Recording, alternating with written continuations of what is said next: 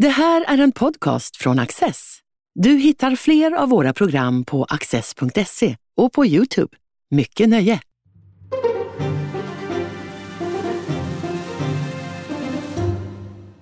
Välkomna till Studio Access. Idag eh, ska vi prata säkerhetspolitik. Och vi, det är jag och det är Robert Dalsjö som är överingenjör vid FOI, Totalförsvarets forskningsinstitut. Varmt välkommen Robert, mycket trevligt att ha dig här. Tack Peri. Försvars och säkerhetspolitiken är full av förkortningar och akronymer och de senaste dagarna har vi fått lära oss en ny sån akronym, AUKUS. Vad är AUKUS och varför ska vi intressera oss för det? Ja, det slog ner som en bomb förra veckan. Eh, och man kan säga att det är en, en ny och förstärkt pakt mellan Australien, USA och Storbritannien. Eh, och de hade ju redan tidigare pakter, så att säga. Eh, men det som har fått mest uppmärksamhet i det här har varit då att ehm, eh, USA och Storbritannien kommer att hjälpa Australien att skaffa eh, åtminstone åtta kärnkraftsdrivna ubåtar. Och USA kommer också att sälja Tomahawk-robotar till Australien för att beväpna de här ubåtarna. Men man kan säga att den, den stora grejen här är väl dels att Australien nu tydligt placerar sig i samma hörna som USA eh, inför den kamp om världsherraväldet med Kina som nu har börjat. Eh, och därmed bryter det kontrakt man hade med Frankrike, vilket har gjort eh, på att köpa ubåtar från Frankrike, vilket har gjort fransmännen extremt upprörda. Det verkar ha kommit som en blixt från klar himmel för eh, den franska regeringen som har varit enormt förbittrad i sina kommentarer kring det här. Ja, det där är lite, lite förvånande. Jag vet ju inte exakt vad som har hänt, men man kan säga å, å ena sidan så har det kommit så pass mycket signaler de senaste åren. Eh, dels om att eh, det, det, det raskt försämrande förhållandet mellan Australien och Kina. Dels om att det finns ett eh, australiskt missnöje med hur, hur det här franska ubåtsprojektet har, har utvecklats. Och de borde man ha uppfattat i Paris. Å andra sidan säger fransmännen att eh, när australierna var i Paris så sent som i augusti så sa de inte att det var några problem. Vad ska Australien med de här ubåtarna till? Så vad, är, vad är syftet? Australien har ju länge varit skyddat av att ha jättestora eh, havsområden runt sig. Men de har ändå känt behov av att ha eh, stöttning från en stormakt. Och riktigt förr så var det Storbritannien och efter kriget så har det blivit USA. Och Australien har traditionellt haft en hotbild av att de har varit omgivna av fallfärdiga länder. Så, att säga. så det, har varit, det har varit stök man har oroat sig för. Men nu sen, eh, sen Xis tillträde, eller trontillträde i Kina så har ju Kina gjort mycket tydligt på att man vill, man vill dominera eh, Stilla havsområdet i Asien och antagligen så säga, återta den, den rang som man tycker man är berättigad till som den ledande makten i världen. Eh, och då känner eh, Australien att nu, nu behöver de möta det där. Och Kina har ju visat väldigt tydligt eh, med så att säga, repression inåt och aggression utåt att man inte bryr sig om eh, umgängesregler eh, bland civiliserade länder. Man, man slet sönder avtalet med mm, Storbritannien om Hongkong och införde så, alltså kinesisk eh, repression där. Man eh, bedriver vad som USA betecknar som folkmord i, i Xinjiang. Man har lagt under sig stora delar av det fria havet i Sydkinesiska sjön och säger att det här är kinesiskt. Så att såklart att länder i närområdet blir oroade. Handlar det också om sånt som att skydda farleder och sjötransporter? Ja, man kan säga att Kina är ju i grunden en landmakt. Och eh, medan USA i Stilla havsområdet är en sjömakt. Eh, och då har det länge varit så att Kina har så att säga, härskat över landet och USA har härskat över havet. Nu vill Kina göra USA rangen stridig som den starkaste makten i Östasien. Och därför har man byggt upp en flotta. Eh, och man passerade nyligen så säga, USA i antal fartyg. Man bygger väldigt, väldigt snabbt en modern flotta. Eh, så att eh, och en sån flotta behöver man också om man ska ge sig på grannländerna. Taiwan framför allt, men kanske en del andra också. Ja, en, en, en möjlig motåtgärd för andra länder då är att skaffa sig ubåtar som kan göra att kineserna har anledning att tänka sig för både en och två gånger innan de gör någonting, eh, något, något bus med båtar, så att säga. Mm. Om man tänker på de amerikanska prioriteringarna. Det här, USA har ju haft ett samarbete med Australien redan tidigare och det finns väl någon gammal pakt som heter ANZUS-pakten där även Nya Zeeland eh, ingår, bland mycket annat. Men man ser också ett antal nya såna konstellationer dyka upp. Eh, det finns något som kallas för The Quad eh, som, eh, där det ska vara ett toppmöte alldeles i dagarna väl, med Indien, Japan, Australien och, och USA. Under Obama så talades det om att det skulle ske ett stort skifte från väst till öst i, i den amerikanska utrikes och säkerhetspolitiken. Är det först nu vi ser detta hända? Ja, jag tror nog det. Det var någon som sa att uh, uh, hur skedde det här? Ja, först långsamt och sen hastigt. Hemingway. Uh, Thomas Mann kanske. Hemingway. Hemingway, ja. ja. Eh, och, och, eh, det kan vi se, för det har pratats om det här skiftet till Asien sedan president Clintons tid. Men det har inte hänt så mycket. Men, så, men nu har proppen lossnat kan man säga. Eh, och, och när, när Xi tog över som president i Kina och, och ledare på livstid, så har han ju gått ifrån den gamla linjen från Deng Xiaoping om att man ska så att säga, öka sin, sin makt och sitt inflytande i skuggan och inte dra uppmärksamheten till sig. Nu vill, vill man verkligen återvinna rangen som, eh, som mittens rike. Eh, och det här orsakar en massa effekter. Och, och det här nya avtalet mellan USA Australien och, och så britterna som en liten släpvagn på. Det är nog bara det första i en serie av omgestaltningar av spelplanen som vi ser. Och The Quad är samma sak. Det, det, är, det är ju en konstellation som inte är jättenaturlig. Ehm, men som är länder som är oroade över Kinas ökade makt och anspråk. Mm. Men när man talar om den amerikanska omprioriteringen till fördel för öst. Ehm, detta sker då samtidigt som USA lämnar Afghanistan. Eh, som öst ska man egentligen förstå Stilla havsområdet, kanske Indiska oceanen. Medan då Afghanistan är en del av Mellanöstern i, i Ja, det, det, kan man säga. Det, det, det, är nog så man ser det från amerikanskt håll. Mm. Har de turbaner så är det Mellanöstern. Skägg och turbaner, Mellanöstern. Eh, har de inte det så är det... Jag menar, Asien är jättestort. Mm. Så när man talar om Asien så menar man Östasien. Eh, Westpac, Western Pacific, med amerikanska eh, termer. Och det här får ju konsekvenser för oss i Europa. Mm. Sen, om, du kommer ihåg, 1983 var det väl? Eh, så åkte USA på en bakstöt till Libanon när Hezbollah sprängde eh, marinkårens kaserner i luften. Och kort tid därefter så eh, lät Reagan invadera Granada. Och då kan man säga att den här nesan ifrån Beirut, den tvättades i någon mån bort genom framgången i Granada. Och det kan vara så här nu att efter, efter Afghanistan så har USA ett behov att visa att man inte är en vacklande, försvagad eh, supermakt där man fortfarande kan spela stormaktsspelet.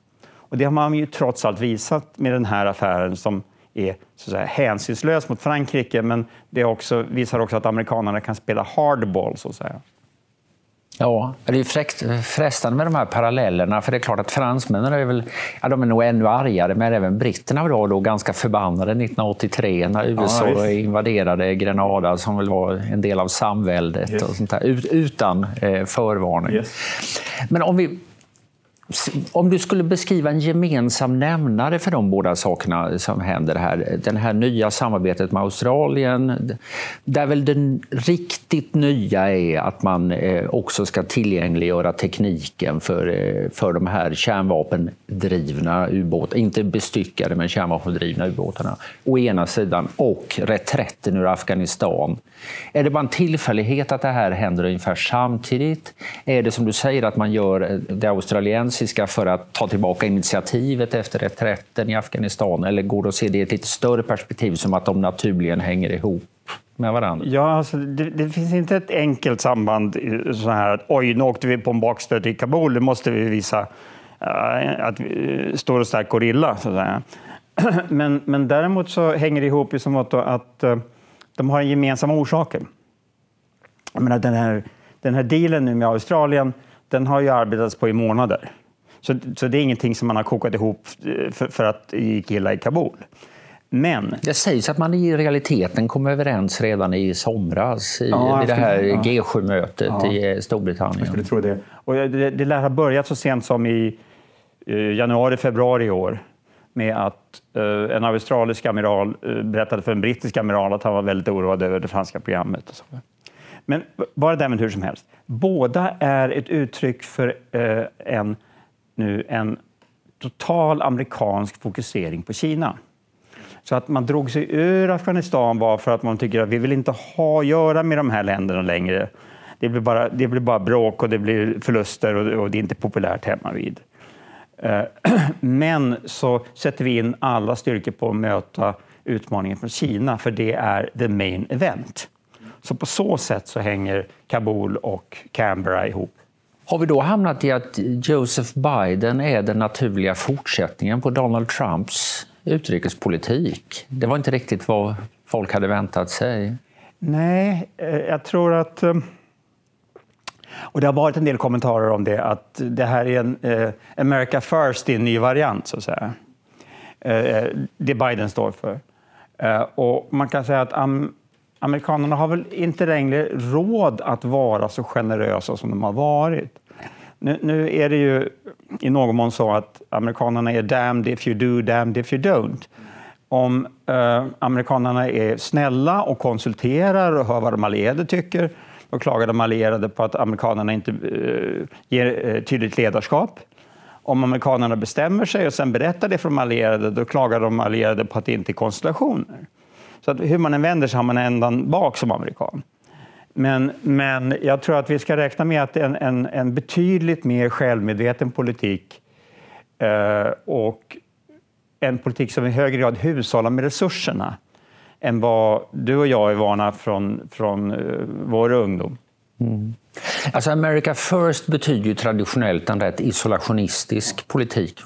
Man skulle ju också kunna säga att America first eh, kunde betyda ett, en ledarroll för USA, men i en synsätt som bygger mycket mer på allianser som den här nya eh, AUKUS, som eh, The Quad. Så, ja, Nato är ju inte nedlagt ännu, utan det, vi, vi, ska komma tillbaka till Nato om en stund. Men att, men att Biden tänker liksom amerikanska intressen och han är beredd att göra fransmännen förbannade och sånt här. Men ytterst eh, vill han gärna hålla ihop koalitionen i alla fall. Jo, jo men det, det, tror jag, därför att, så att säga, Kort efter kriget så hade USA en enorm övermakt och kärnvapenmonopol och sånt. Mm. Efter Berlin... Andra världskriget. Ja, andra världskriget. Mm. mm. Efter Berlinmurens fall så var man i samma position. så att säga. Man hade så mycket övermakt så man hade resurser eh, att dela ut och det fanns ändå kvar. Nu har man en mer jämbördig motståndare, Kina, och inser att man måste koncentrera sig och då är det amerikanska intressen som gäller. Alltså man är inte America first i, i den Trump-bemärkelsen som struntar i allierade.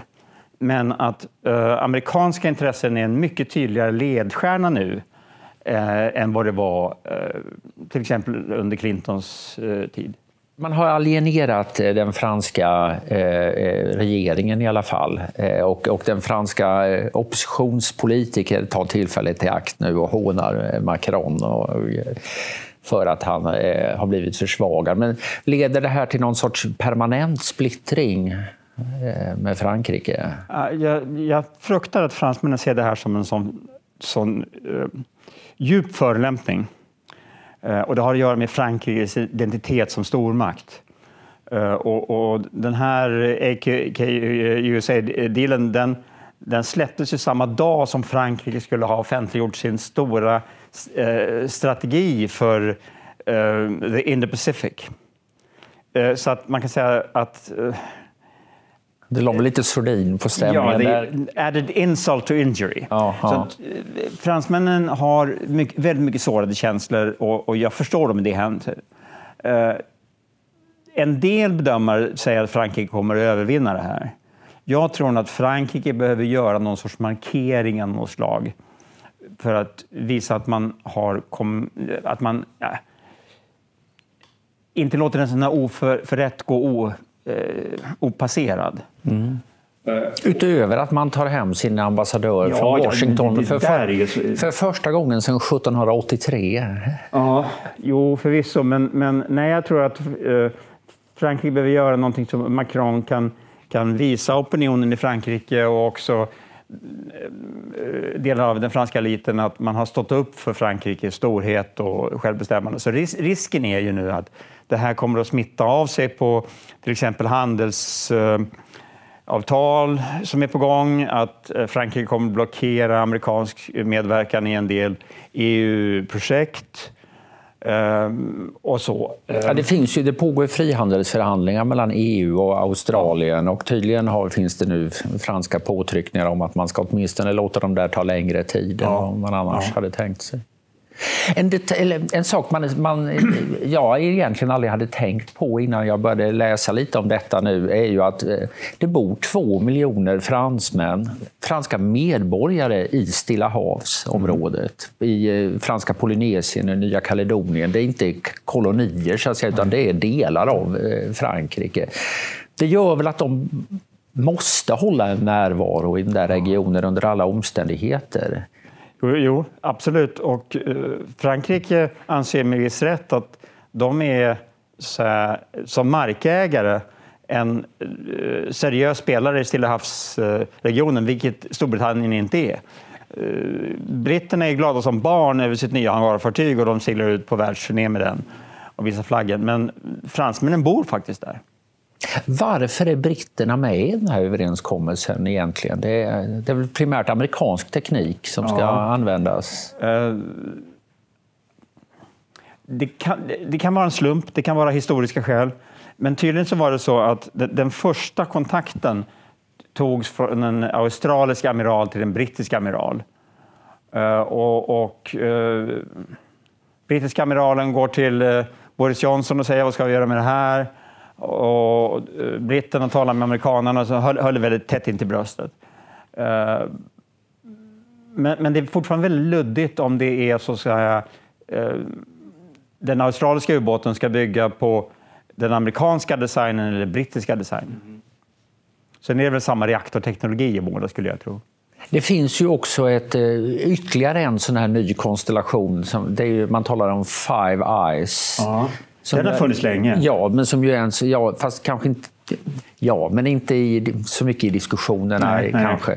Men, i- men som då är en underrättelsegemenskap i anglosfären, som man säger bland engelsktalande. Där ingår även Kanada och Nya Zeeland. Har det med det att göra? Att det, det finns fortfarande ett special relationship här mellan britter och amerikaner? Ja, alltså, britterna talar ju betydligt mer om special relationship än vad amerikanerna gör. Så att jag tror att det, det, det här eh, relationship är nog speciellt i, i britternas ögon, men inte amerikanerna. Men Five Eyes är en realitet och det, det har varit en realitet sedan eh, under andra världskriget när det bildades. Eh, och det innebär att det finns eh, mycket högre nivåer av eh, ömsesidigt förtroende och rutiner för att utväxla mycket känslig information sinsemellan. Och de, håller på, de har ju hållit på 75 år. Mm. så att eh, det där eh, saknar inte betydelse. Mm. Frankrike kan då reagera genom att vilja ja, straffa och obstruera. Men redan tidigare, innan det här hände, har ju Frankrike talat mycket om så att, säga, att man måste hitta europeiska lösningar Eh, på europeiska säkerhetsproblem. Och ett begrepp som strategisk autonomi eh, har etablerats, eh, som ju handlar väl om att ja, vi måste kunna klara oss utan USA. Ser du att det där kommer att bli eh, mer betydelsefullt framöver? Ja, det tror jag nog. Man kan säga att strategisk autonomi är ett gammalt franskt krav eller önskemål. Så i någon mån kan man säga solen gick upp idag, Eh, då kräver fransmännen strategisk autonomi. Eh, men, men eh, det är ändå så att de, de farhågor om beständigheten i den transatlantiska länken som har väckts av Donald Trump och så att säga också av Kinas uppåtstigande innan det blev akut. De har ju ytterligare förstärkts nu med det här och man kan se att jag är personligen övertygad om att vi är på väg in i ett nytt kallt krig mellan eh, USA och Kina. Och där Eh, till skillnad från det förra kalla kriget så är Kina så mycket mer integrerat i våra ekonomier och vad gäller teknik och i vårt dagliga liv än vad Sovjetunionen var 45. Så det innebär att det kommer att vara mycket mer kostsam, jobbig och smärtsam process att så att säga formera två block. Eh, och det innebär att vi i Europa kommer att hamna i ett korstryck. Eh, ska vi ställa oss solidariska med USA som de menar, nu ska demokratierna stå emot eh, kommunistdiktaturen, nu måste ni liksom skärpa er. Men det är väldigt många europeiska länder som är djupt investerade i den kinesiska marknaden. Tyskland är Kina, Kina är Tysklands största handelspartner. Fransmännen har markerat att de ställer inte alls upp på den amerikanska hårda linjen mot, mot Kina utan de försöker avgränsa mänskliga rättigheter, där är vi oense med Kina. Ja, det betyder att man inte är oense med dem om Sydkinesiska sjön och Hongkong och... Belt Road Initiative. Ja, precis. Ja. Så, att, så, så att den, den, övergripande maktpolitiska konflikten eh, den kommer att vara med oss och kommer att bli värre under de närmaste tio åren.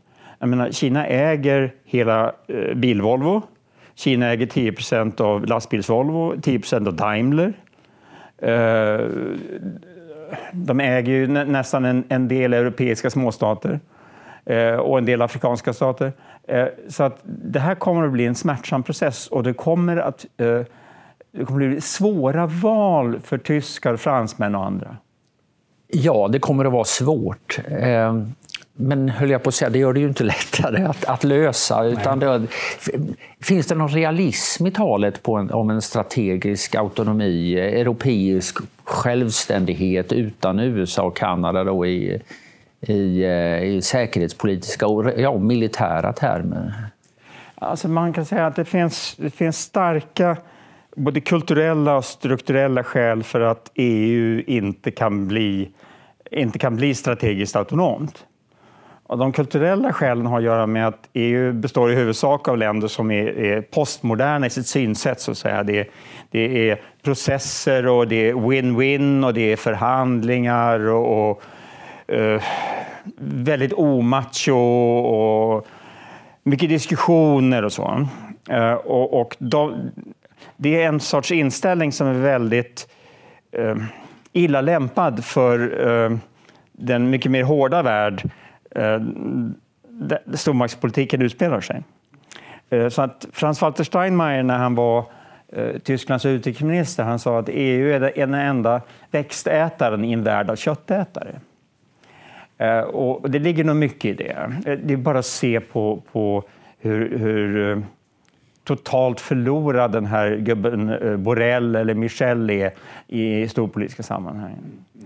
Eh, strukturellt så handlar det också om att, så att säga, det är medlemsstaterna som sitter på resurserna och det är medlemsstaterna som har intressena. Eh, så att EU har ju flera gånger då lanserat med, med pompa och ståt att man ska bygga en militär dimension. Eh, man bestämde sig för Helsinki Headline Goals, det var väl 20 år sedan. Då skulle eh, EU kunna ställa upp med en styrka på 60 000 man det bidde ingenting. Eh, och sen skulle vi ha battle groups som skulle vara ungefär 5 000 man. Har aldrig använts någonsin. Dagens EU har väldigt svårt att fatta de beslut som krävs för strategisk autonomi. Men, men samtidigt måste vi räkna med att det finns en reell risk att den transatlantiska länken brister. Om fyra år kan Donald Trump sitta i Vita huset igen och säga jag lämnar Nato. Eh, och det betyder att då är någonting bättre än ingenting. Men vad är då någonting? Ja, jag har ibland använt liknelsen med att om du är ombord på ett uh, stort passagerarfartyg och det finns solstolar och bar och du har en hytt och allting. Men du har anledning att befara att kaptenen tänker leka chicken med ett isberg. Då börjar du titta på livbältena och livbåtarna och sådär. Och när du står på det här stora eh, fartygets däck så tycker du den där lilla livbåten är pyttig, aldrig sätter jag med den. Det är bättre att vara ombord på det här. Ja, men om fartyget börjar sjunka då, då ändras prioriteringarna. Eh, men låt mig säga att, att jag har ju fört upp frågan om att vi borde i Sverige och eh, Europa tänka på en plan B för det fall att den transatlantiska länken brister. Eh, vi har tittat på alternativen. Det finns inga uppenbara bra alternativ. Så Sverige tillsammans, ja, en eh, möjlig lösning, eller ja, försök till lösning skulle väl då vara att bygga sig en livbåt, nämligen ja. att rusta upp ytterligare i ja. Sverige och kanske inleda samarbeten med likasinnade grannländer snarare än att hoppas på hela det här ändå rätt vetolamslagna EU ska kunna åstadkomma någonting? Ja, det tror jag absolut. Eh, alltså det, är, det, är, det är aldrig fel. Eh, och, och eh, om fartyget börjar sjunka så se åtminstone till att ha en flytväst och varmt, eh, varmt, varma kläder på dig. Därför den här tron att, att, eh, som vi har levt de senaste 20 åren, att ja, men, det räcker med badbyxor och flipflops för det kommer alltid vara fint väder. Eh, det är inte en god politik. Bara avslutningsvis, vad, vad tror du att Vladimir Putin tänkte när han fick nyheten om AUKUS och den franska reaktionen på det? Jag tror han blev sur. Ja, alltså, ja, alltså, ja. Nyheten om AUKUS blev han sur. Den franska reaktionen smålog han lite grann. Utveckla. Eh, eh, näst efter att behålla makten så är ju att återföra Ryssland till en ställning som eh, eh stormakt och erkänd som stormakt. Det är Putins viktigaste mål. Och man kan säga att en, en amerikansk omorientering mot Asien kan hjälpa honom i att uh, få, bli, bli, starkare relativt Europa. Mm. Och, um, men, men det enklaste sättet för Ryssland att bli starkare än väst, det är att splittra väst. Så att allt som skapar motsättningar inom västlägret, det gynnar med den logiken Ryssland. Så därför tror jag hans mål låg inför den franska reaktionen. Robert Dahlsjö, vi har bara börjat beröra de här stora, viktiga och mycket intressanta frågorna. Men eh, jag tycker vi har gjort det på ett väldigt bra sätt och det är din förtjänst. Eh, nej, nej, det är stort, eh, kloka stort, frågor. Stort tack för detta. Eh, mycket trevligt att ha dig här.